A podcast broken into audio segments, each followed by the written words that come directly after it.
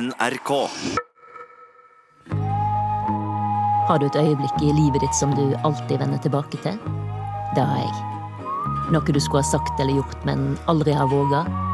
Det har jeg. I denne podkasten skal du få møte folk som sier det de aldri før har sagt, og som hopper ut i det de er aller mest redde for. Jeg heter Kari Hesthamar, og du hører på Usagt. Episoden du skal få høre nå, handler om Gry. I hennes familie finnes det en konflikt som har vart i årevis, og som hun gjerne skulle ha fått satt et punktum for. Hvor skal jeg starte den historien? Ehm, vi har jo en sånn uforsonlig arvehistorie eh, i min familie. Og det er litt rart å snakke om det på den måten, for jeg har jo vokst opp med det, og det er så naturlig, men liksom når jeg snakker om det nå, så får jeg sånn gåsehud over at den, den, er så uforsonlig. Som har splitta søsken som ikke har snakka med hverandre på 30 år. Og stridens øh, kjerne har jo vært et sånn veggfast skap. Og ifølge loven så er veggfast veggfast. Det er far til Gry og søsknene hans som har krangla om skapet. Og faren har nå ingen kontakt med søster si lenger. Skapet står hjemme på kjøkkenet til foreldra til Gry. Det er så morsomt, fordi mamma har jo bare irritert seg over det skapet i etterkant. Så det er så jævlig komisk. Med det helvetes fine skapet som var så magisk. Og som har gjort at søsknene ikke har snakka med hverandre på over 20 år, liksom. Og så er mamma bare irritert på det og vil helst ha det ut. Og lagrer bare sånn masse dumme plastboller i det. Og det er helt sånn ubrukelig, egentlig, til å lagre noe som helst i. Så Åh. Nei, vet du, for en drøm det hadde vært å samle de tre søskna foran det jævla fine skapet. Og bare forestå Neimen, kanskje han mellomstebror skulle få det skapet, og at de bare kunne bære det ut sammen. Og kanskje en eller annen sånn plutselig frigjørende, forsonende prosess kunne oppstå. Gud, så deilig det hadde vært.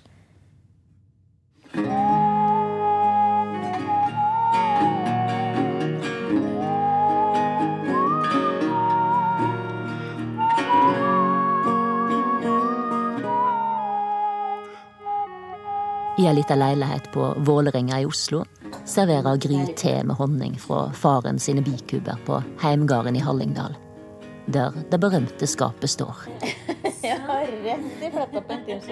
Gry var odelsjente, men valgte seg i stedet for et liv som frilansjournalist i hovedstaden. Hun kan knapt huske at arveoppgjøret på gården ikke har vært et tema. Jeg har jo sjøl hatt så sterke følelser rundt faen. At de måtte ribbe den gården. At det så gikk an å liksom tenke at ja, men det her har jo vært på gården i, i mange årtier. Familien er delt i to. Sjøl om far til Gry flere ganger har prøvd å ta opp igjen kontakten med søster si. Han eh, har ringt mange ganger og tar ut telefonen. Men nå er altså Gry kommet til det punktet at hun tenker Livet er for kort. Hun har tenkt å ta grep, både om det ene og det andre. Jeg gjør det litt uh, for pappa. Jeg skulle ønske at uh, søstera hans tar telefonen når han ringer. For det Ja, nå høres det ut som den drama queen, men det er jo sånn utrolig lettrørt type. Og at det her sikkert har vært veldig vanskelig for han, det det rører meg nå, altså. Mm.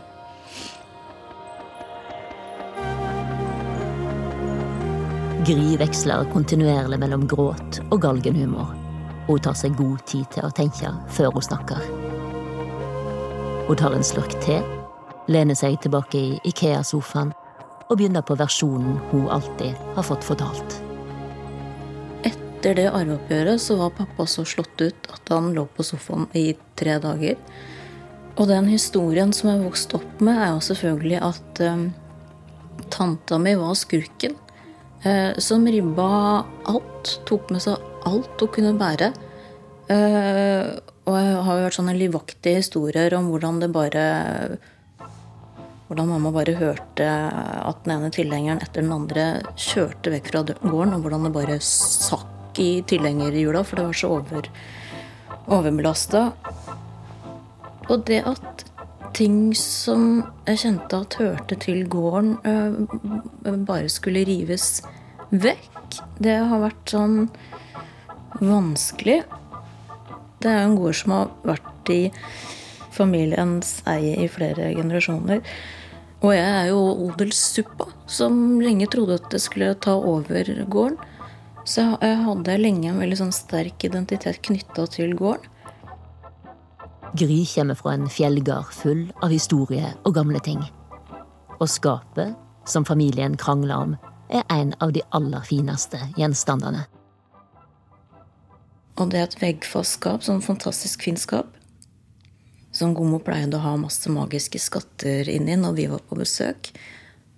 Kunne trekke fram en liten sprettball, en glasskule. Det var sånn magisk. Og alltid et comfort drops. Det var ikke et sånn lite øh, forheng. Det var en sånn liten hule øverst på det skapet, og så trakk hun for et forheng. Og så trylla ut sånne magiske skatter. Da mellomste bror sa fra seg odelen, bestemte foreldra seg for at han skulle ha skapet. Siden han ikke skulle ha gården, skulle han få det fineste de hadde, det store framskapet. Men sånn ble det ikke. At pappa fikk beholde det skapet, det tror jeg var en rein øh, Det tror jeg skyldtes rein skjær utmattelse. For ei tid siden tok fortellinga om arveoppgjøret ei overraskende vending. Da Gry tilfeldigvis møtte på kusina si så kom vi tilfeldigvis til å snakke om det arveoppgjøret. Um, og var helt sånn ærlig på at jeg har vokst opp med at det er jo tante som er skurken. Som uh, Ja, pappa syntes hun var grådig og ble slått utover den sida av henne. Og så sier kusina mi at um, hun har vel vokst opp med akkurat den samme versjonen, bare at omvendt. At pappa er skurken. og det bare Ja. Å! Så fins det en annen versjon! Å! Ja.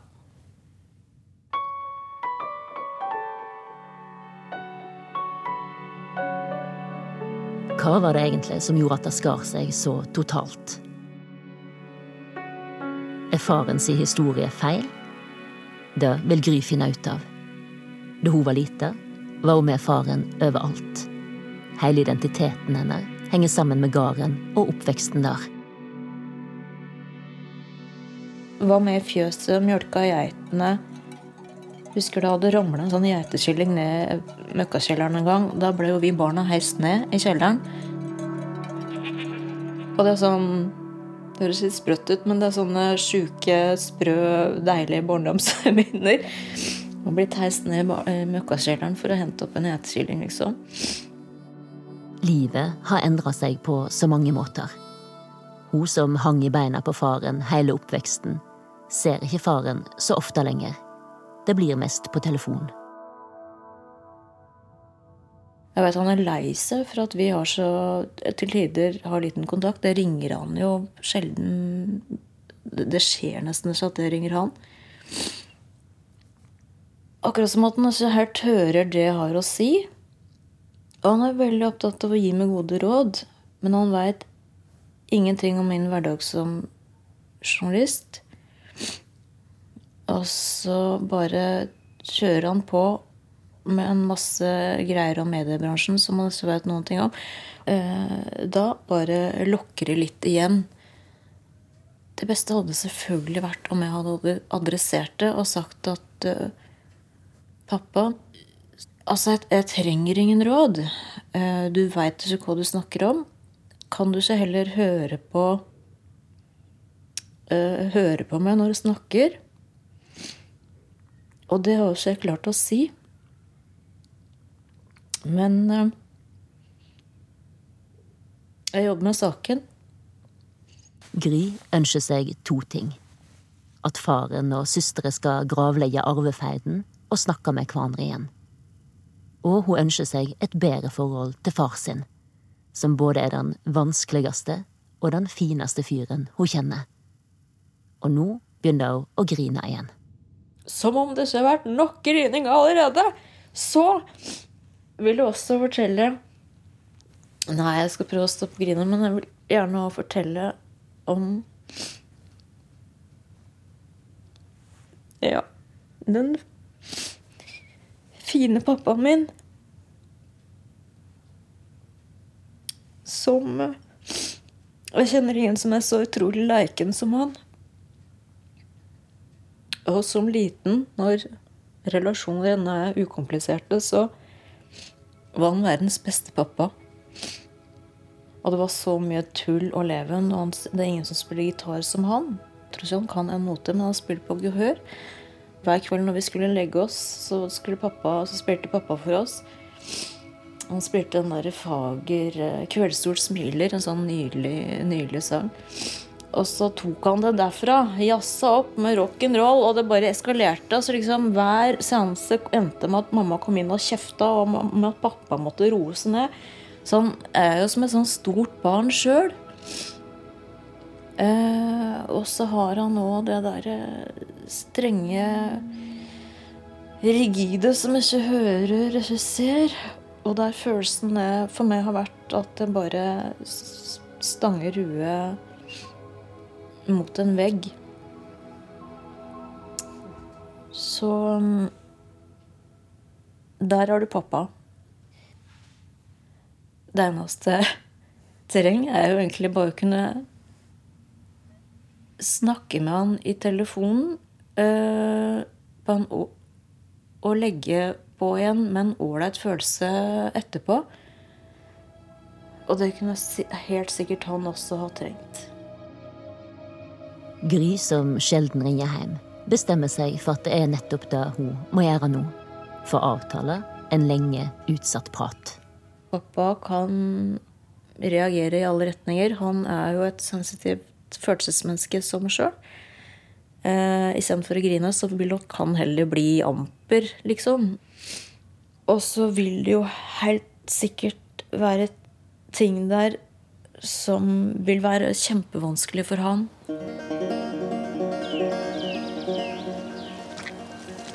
Noen uker seinere står jeg på tunet hjemme hos foreldra til Gry. En gammel fårehund tar imot meg mens han logrer med hele seg.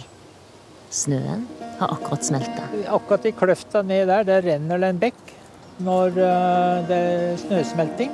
Det er vår og håp i lufta. Gry og faren viser meg gården. Kommer mjølkebilen? Ja. ja. Så da får du jo Det kan jo på en måte bare se hvis du har lyst til det. Absolutt. Et steinkast fra våningshuset ligger ei enorm steinblokk, og vi går for å ta en kikk. Ja, nå ser jeg. Ja, den store, den svære steinen der borte. Ja. Far til Gry forteller at den store steinen har en helt spesiell historie og drar på med en imponerende kongshistorie. Det er fordi at dette har da vært en kongsgard. Så kong Sverre skal ha bodd der i sin tid, men det er mange år siden. bare tull. Bare. Tuller du? Nope. Tror ikke det. Jeg gikk rett på det. ja, men Et lite sekund så lurte Jøsse. jøss, det er det virkelig en historie jeg aldri har hørt før, liksom. Men eh, ja. Det gikk så fint på limpinnen begge to. Det er bra. Far til Gry er fornøyd med å ha møtt en så lettlurt journalist. Vi rusler over gardstunet og inn i huset. Sparker av oss skoene i gangen og går inn på kjøkkenet. Der står stridens kjerne. Skapet med stor S. Og troner inntil en hvitmåla tømmervegg. Det er mørkebrunt og vakkert og strekker seg fra gulv til tak.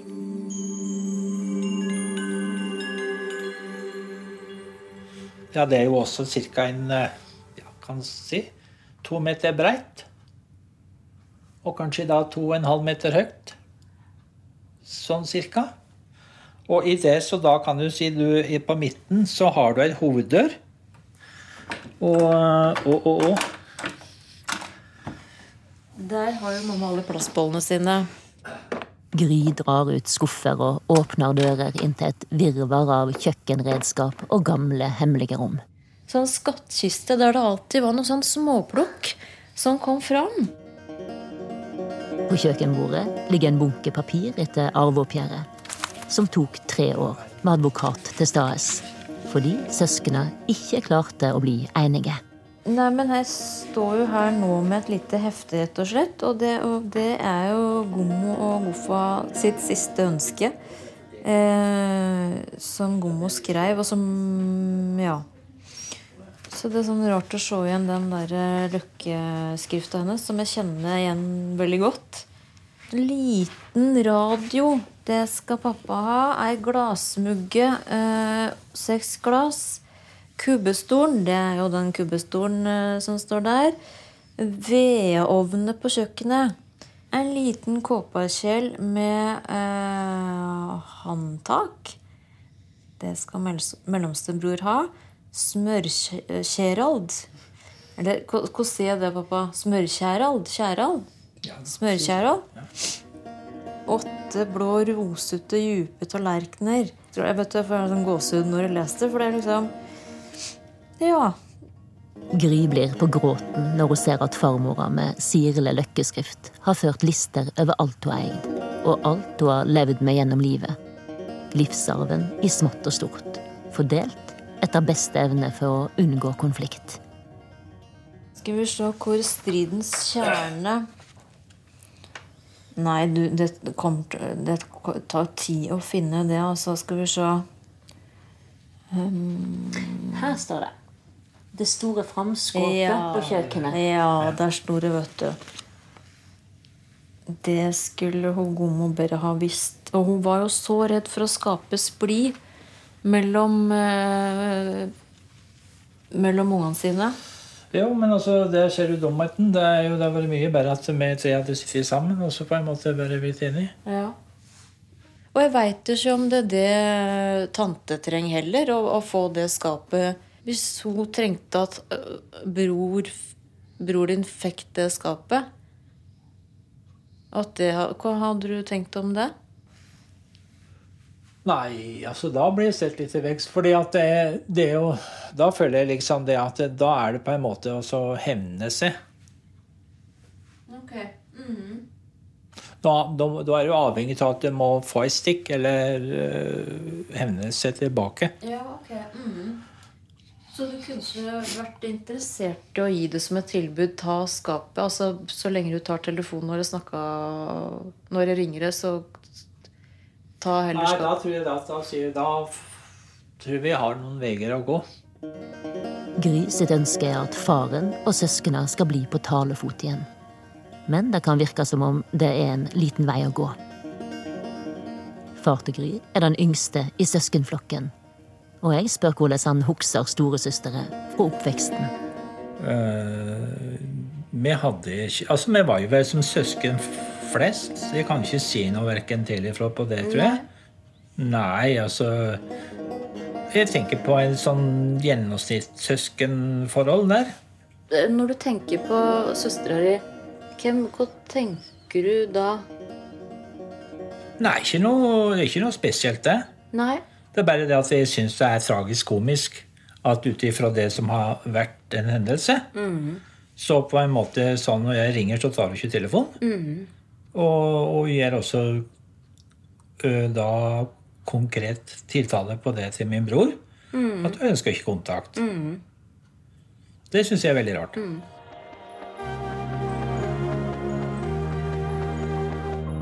Arv er en komplisert affære. De to eldste søsknene sa fra seg gården, og far til Gry var den som tok over. Og hva er egentlig rettferdig når den ene har arva gården? Skal de andre da dele resten, eller skal det deles på tre?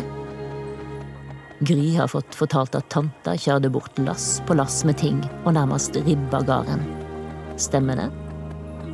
Og farmor til Gry hadde skrevet at det var den mellomste broren som skulle arve det store framskapet.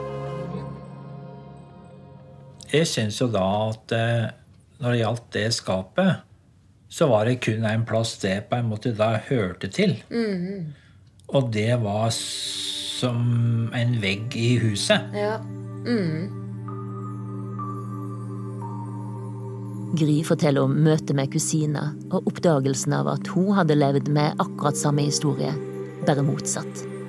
at det var far til Gry som var skurken. Den grådige som ville ha alt. Jeg veit jo ikke, men det, det, er min tolkning. At hun har kjempa med, med, noen sider i det som, som Kanskje det er samme sidene som jeg kjenner veldig godt. da. Og ikke, ikke helt bli hørt. Og det er ikke svart-hvitt. ikke sant? Det, det, det, det handla ikke bare om at hun dro med mye greier. Men jeg tenker at det er så mye usagt mellom det og henne. Fordi jeg veit at det er så mye usagt mellom oss to. Eller, eh, eller sikkert ikke for din del, men, men, men, det er jo sånn det har vært for meg. Eller sammen med det så har jeg blitt en som har holdt veldig mye tilbake. For det er så mye jeg ikke følte jeg kunne ha snakka med deg om. Fordi jeg liksom jeg føler at jeg ofte har liksom møtt motstand i en eller annen form. Og jeg tror ikke du er klar over det. Jeg veit jo at, at, Og du er jo liksom verdens fineste pappa samtidig òg, liksom. Så jeg, det er ikke sånn at jeg skal sitte og kaste dritt om det. Det er det siste blir. Men jeg, jeg, det jeg har tenkt, da, pappa, er at det er viktig at du kan få den informasjonen fra meg. Ja, jeg føler ikke jeg kjenner meg over nei, for det. Nei, For jeg, jeg har jo vært alltid den som jeg tror jeg har sett, og på en måte hatt dere på fanget. Jeg på en måte har eh, gjort på det ene og andre med. Du har jo vært en sånn utrolig nærværende far. Ja. Og da føler jeg det eh, også blir litt feil hvis du da sier det at vi på en måte har nesten forsømtes litt. Ikke forsømt, men, men det har nok vært vanskeligere som voksen for meg å forholde meg til det enn som barn. Som barn så var det ganske ukomplisert. Og da var jo du den nære faren som alltid hadde tid, som sang og leika. Altså, drar det seg til med året, eller at det blir vanskelig, da? Altså, for det, fordi du er den du er, og jeg er den jeg er, så, er det, så har det blitt som en sånn støy på linja. Er sånn grums. Og det har vært veldig sorgfullt for meg òg. At det blir så mye mellom oss, da. Det er så mye som henger sammen. Gry som nesten aldri ringer hjem, fordi avstanden er blitt for stor og det er skurr på linja. Faren som ringer søster si, som ikke tar telefonen. Men det er aldri svart-hvitt, og det er summen av alt som gjør at konflikten står bom fast. Gry forteller faren at hun har spurt tanta si om å få møte henne, for å prøve å forstå mer. Og det er jo noe som jeg gjerne vil snakke med henne om. Hva er det hun trenger fra det, på en måte, for at dere to kan kunne møtes igjen? Og, og, og så må du kjenne på er det noe du kan møte henne på, eller er det noe du kan gi henne? Det er det evige dilemmaet om hva en skulder seg sjøl, og hva en skulder andre. Livets regnestykke går som oftest ikke opp. Gry og faren har snakka i flere timer. Hunden gløtter på øynene og kommer seg på beina og rister seg. Han vil ha kos. Faren har tatt opp gitaren, sånn han gjorde da Gry var lita jente og skulle leie seg. Nå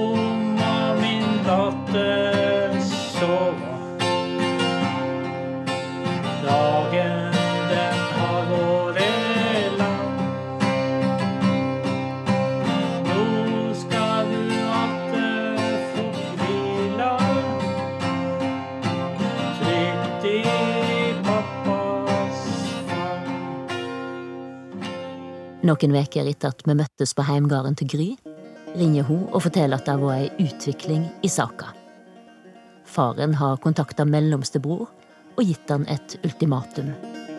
Hvis han vil ha det hersens skapet, må han hente det i løpet av to veker. På premiss av at det ikke havner i garasjen, men innendørs.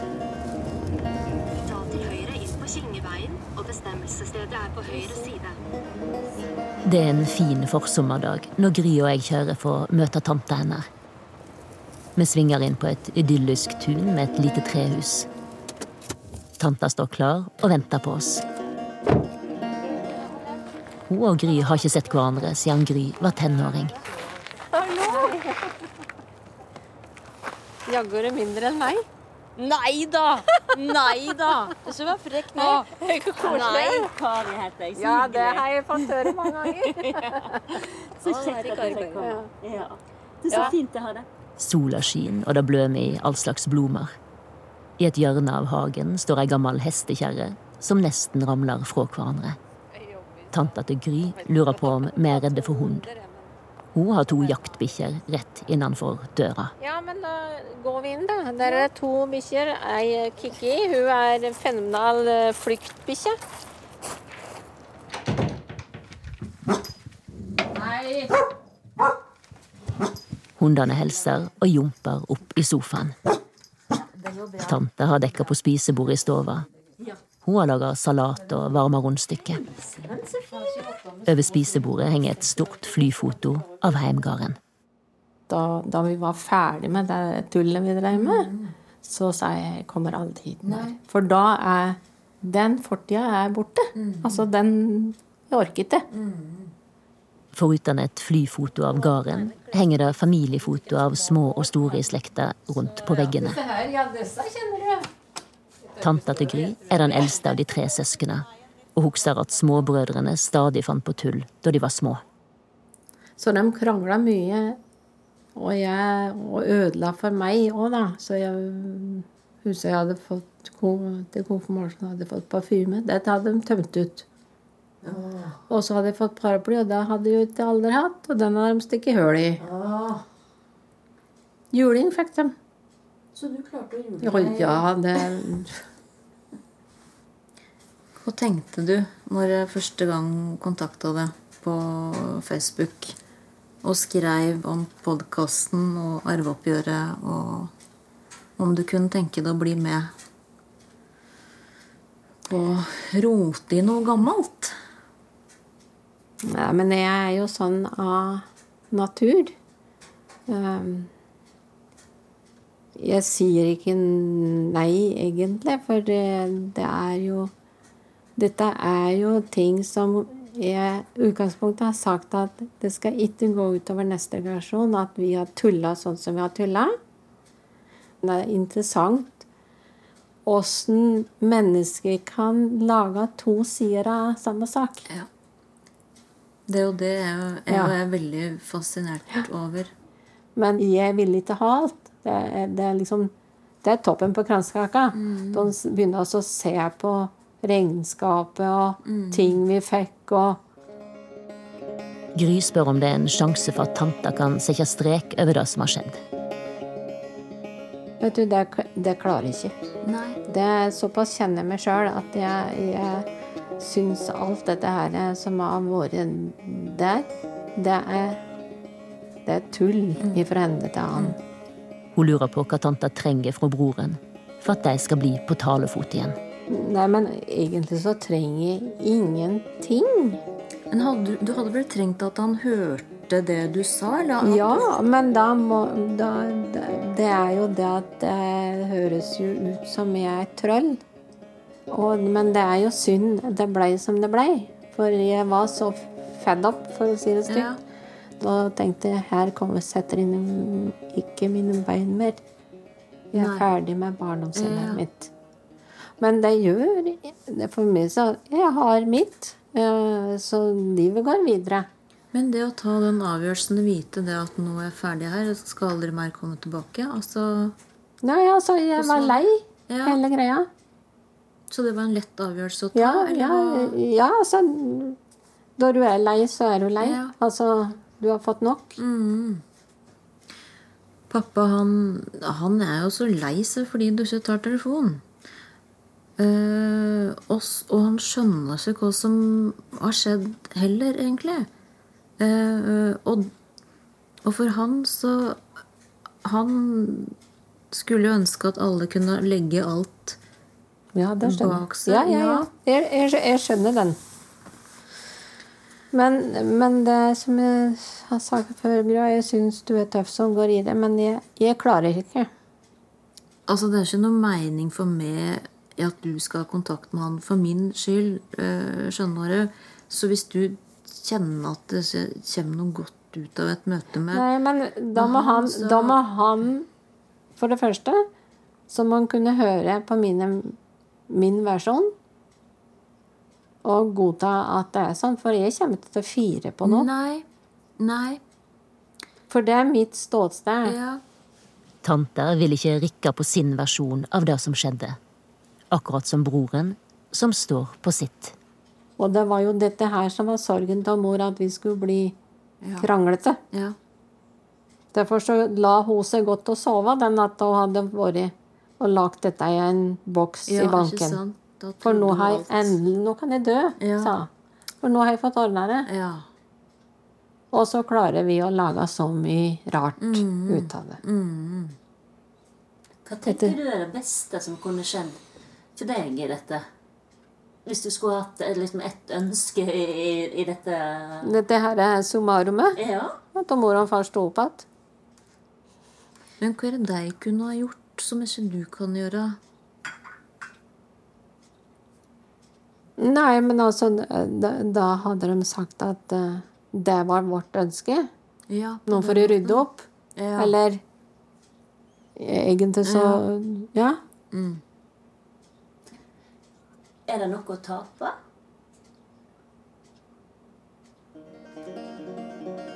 Nei.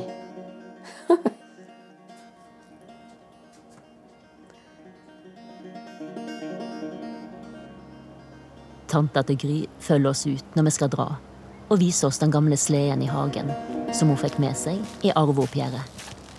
Men har den alltid sett sånn ut? Den Nei, ser jo ut som en nei. sånn takras.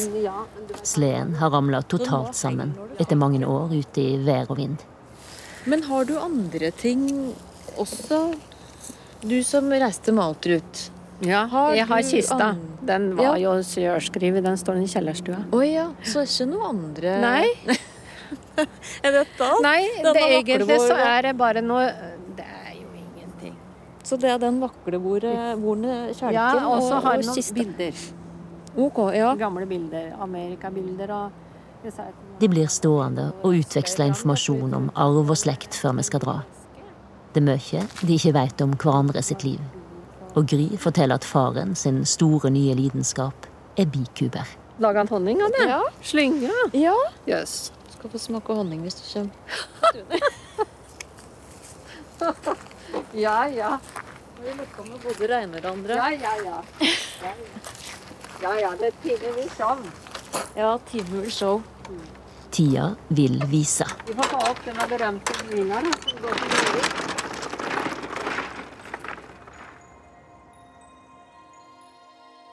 Det blir sommer, så kommer høsten. Det går to måneder uten at det skjer noe. Tanta til Gry sier at hun kan møte broren for Gry sin skyld, men at forsoning kan bli vanskelig. Far til Gry er usikker på om han orker å møte søstera si hvis de ikke kan legge arvestriden bak seg og bli venner. Gry er usikker på hva som vil komme ut av et møte, men lander på at livet er for kort.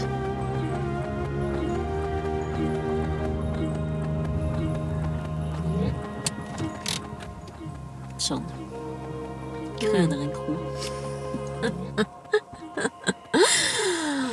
Ja, hvem skulle ha trodd? Um, hjelpes meg. Det er en fin høstdag med låg gyllen sol over landskapet. Far til Gry og søsteren hans har gått med på å møtes på halvveien på nøytral grunn. Og vi har en avtale på Krøderen kro om én time. Og jeg har selvfølgelig utrolig lyst til å holde den ene forrykkende tala som forandrer alt, som får eh, fjell til å flytte seg videre, himmelen til å åpne seg. Um, det ble helt merkelig å se de to sammen. Men du, skal vi gå og se om vi finner en fredelig krok? Ja, så må jeg, jeg har jo et halvt tale som jeg må skrive ferdig, så jeg får sette meg ned og mm.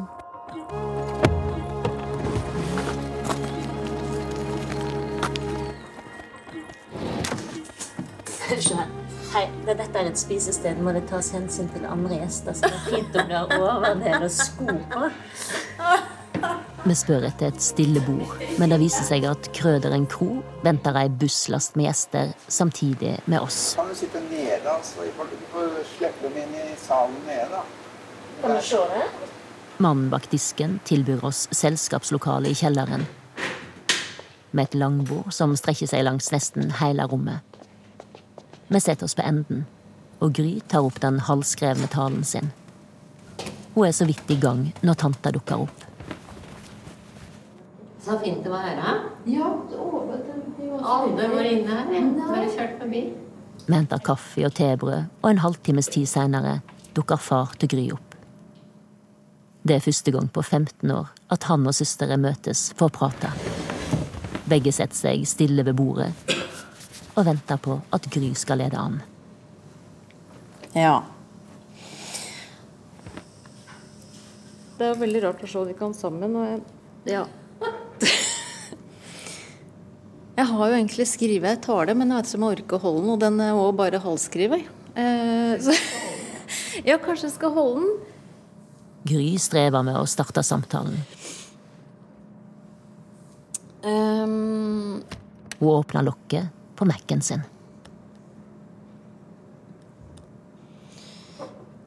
Um, ja. Ja. Jeg tenkte da å si noen ord, for det er noe med å få sagt uh, ting høyt. Og prøve å lande litt den prosessen som jeg sjøl satte i gang når jeg spurte om de kan, kunne tenke dere å bli med i en radiodokumentar om arveoppgjøret. Til min store overraskelse så svarte begge ja. Og siden den gangen så har jeg kjent meg litt som fjordhesten Frøya. Fjordingen som Goffa pleide å spenne plogen bak når det var tid for å ta opp potetene. Og det har innimellom vært tungt å dra den plogen. Gry oppsummerer samtalene hun har hatt både med faren og med tante, og drar seg gjennom punkt etter punkt. Bøyd over Mac-en og med knytta never. Det som har vært vanskelig mellom meg og du, pappa, er Jeg har tenkt at det er noe av det samme som det handler om mellom, mellom du og tante. da. Ofte så har det òg vært sånn, tante, at det er beskrivelsene du har hatt av pappa, beskrivelser jeg ikke kan kjenne meg igjen i i det hele tatt. Jeg har jo tvilt på den hvem du er, pappa. Hvem du var. Om det har vært en annen en, Hatt noen mørkere sider som du har vist for søstrene dine enn du har gjort for barna dine. Men jeg har òg tvilt på det, tante, om du har Om du egentlig kjenner pappa så godt. Det er egentlig så langt det kom på den tala. Jeg vet ikke helt hvor jeg skal gå videre. Jeg, jeg, jeg vet ikke om jeg skal det, Ja. Jeg tenker at um, jeg skal spenne av med den plogen. Og så får nå det til å finne ut av hva det vil ha dykkene imellom. Avtalen før møtet var at ingen av de skulle snakke om arv. Men det er vanskelig å ikke gå inn på det konkrete. Jeg kan legge lokk på, og det har jeg gjort. Men det ligger jo der. Og vil alltid ligge så lenge du, du graver i det. Sånn som nå, da. Far til Gry ser rett framfor seg uten å si noe. Nå er vi jo langt inne i arveoppgjøret, så jeg tenker at det flommer opp hos dere begge nå. Så jeg vet ikke helt hvordan vi skal Så tar han sats. Det er én ting han ikke forstår. Ja, nei, altså Det som jeg kanskje stusser litt på, det er det at eh, At uh, hvis det hadde vært kanskje på det plan, så er det ting jeg kanskje lurer litt på. Da, det er jo det at eh, når jeg kanskje da har prøvd uh, via for å si telefon, Unnskyld, jeg har ny telefon som ikke får stoppa. så Søstre går bort i en krok og prøver å skru av alarmen på den nye mobilen sin. Fikk du slått den av? Ja, kjempebra. Ja, for det er helt klassisk at det ringer midt Ja, jeg kan i gjemme den. Far til Gry tar sats igjen. Nei, for det som jeg syns kanskje blir litt eh, rart, det er det at eh, det da uh, opptil flere ganger har, kan du si, har prøvd å ta kontakt via telefon. Eh, og da en opplever det at det liksom den andre parten ønska ikke ta den telefonen. For det er en ting jeg kanskje ikke da forstår helt. Så hvis jeg skal Det si kan du godt svare det på før du går videre. ja. Jeg, jeg, hver gang en person som egentlig har Du kan si tråkka litt på en, da, så får du vondt i bringa. Da Sånn som du sier, har ringt. Så jeg har meg som ikke orka. Det er mye bedre å møte eller å, å snakke i en telefon. For Jo. min del. Jo, men så kan Så du det, si ja. det ligger der. Men så kunne jeg jo ha sendt da f.eks. en SMS. Da bør du ikke snakke, du kunne ha skrevet et brev. Ja, det, jeg har sendt julekort. Altså. Ja, ja, ja, sånn. Men eh, ja, nei da. Det er ikke noe Det er bare sånn eh, Ja, jeg, jeg, jeg skjønner det. Så det er Men eh, det, er, det, det, det ligger jo der, da. Men jeg syns jo det er bedre å kunne prate øye til øye. Tanta til Gry har òg noe hun vil si. Men da får liksom da i ansiktet at jeg tok alt. Jeg har lista over det jeg har fått. Så, men vi skal ikke diskutere det. Sånn som vi dreier på i tre år, det hører ingen sted hjemme. Jeg tok alt. Og det syns jeg var en vond beskyldning. Far til Gry ser på søster si, og så sier han. Men jeg tror ikke det at det har kommet ifra min munn. Jeg tror ikke det har kommet fra min munn, sier han. Det er ikke lett å si hvem som har sagt hva, og hva ord som har falt i kampens hete. Men det er lett å merke at det har vært vanskelig for begge to. Det som kanskje var tøffest, det var jo det. At vi, iallfall jeg følte det, at jeg ble blanda inn. Selvfølgelig når vi skulle dele opp. I ting som jeg så på som vi var søsken, og så skjedde det ting som jeg skjønte ingenting. Det er jo liksom det som kanskje har vært mest smertefullt. I utgangspunktet så hadde du søsken, og så etterpå så har du plutselig nesten ikke søsken ut ifra egentlig en, en, en, en filleting. Så det at eh, vi kan ikke legge skyld på hverandre. Vi må bare si at vi har gjort feil alle tre. Det har gått over en time, og stemningen er fortsatt ganske anspent. Alle rundt bordet har behov for en kopp kaffe for å løse opp litt. Skjønner ikke hvor mange timer skal dette programmet gå over? Et gammelt fotoalbum har blitt brakt med fra Hallingdal. Blete av gommo i skaut og forkle. Hun som gjorde alt for at ungene skulle være venner etter at arva var delt.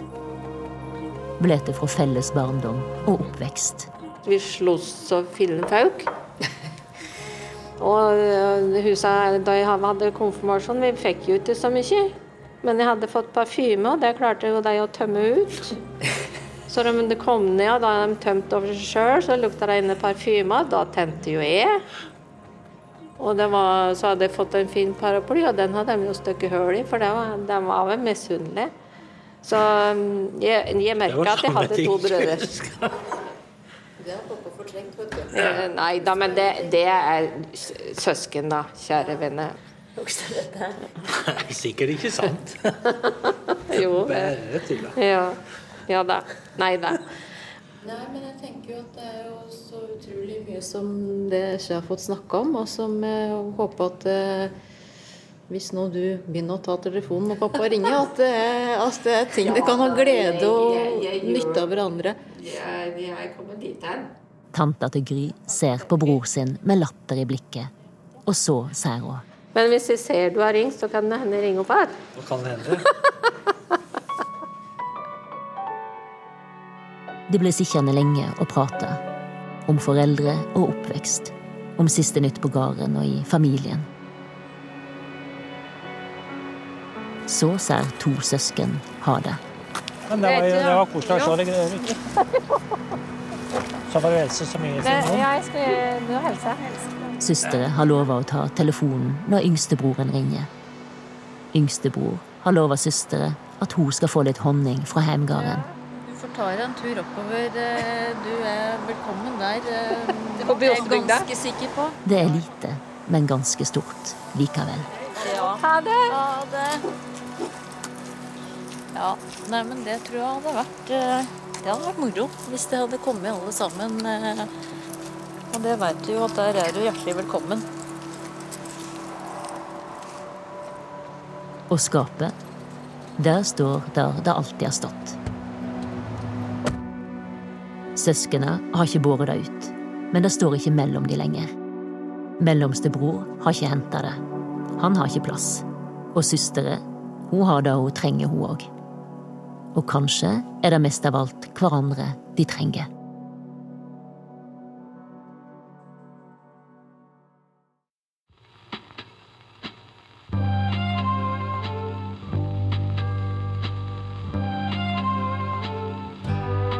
Du har hørt Usagt og episoden om Gry. Usagt er produsert av Svart Trost for NRK. Og laga av meg, Kari Hestamar og Nils Jakob Langvik, som har hatt klipp og lyddesign. Musikken er komponert av Geir Sundstøl. Ellen Wisløff har vært konsulent, og Siril Heierdal er redaktør i NRK. Tusen takk til Gry og familien som var så modige at de stilte opp.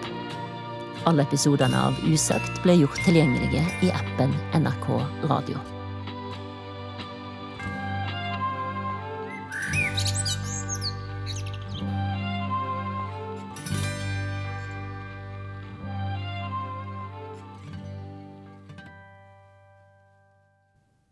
Neste episode kommer mandag 2. desember. Hei, jeg heter Joakim Førsund, og det siste året har jeg snakka med flere av dem som reiste inn i den blodige borgerkrigen i Syria. Og resultatet er blitt podkasten Det svarte flagget.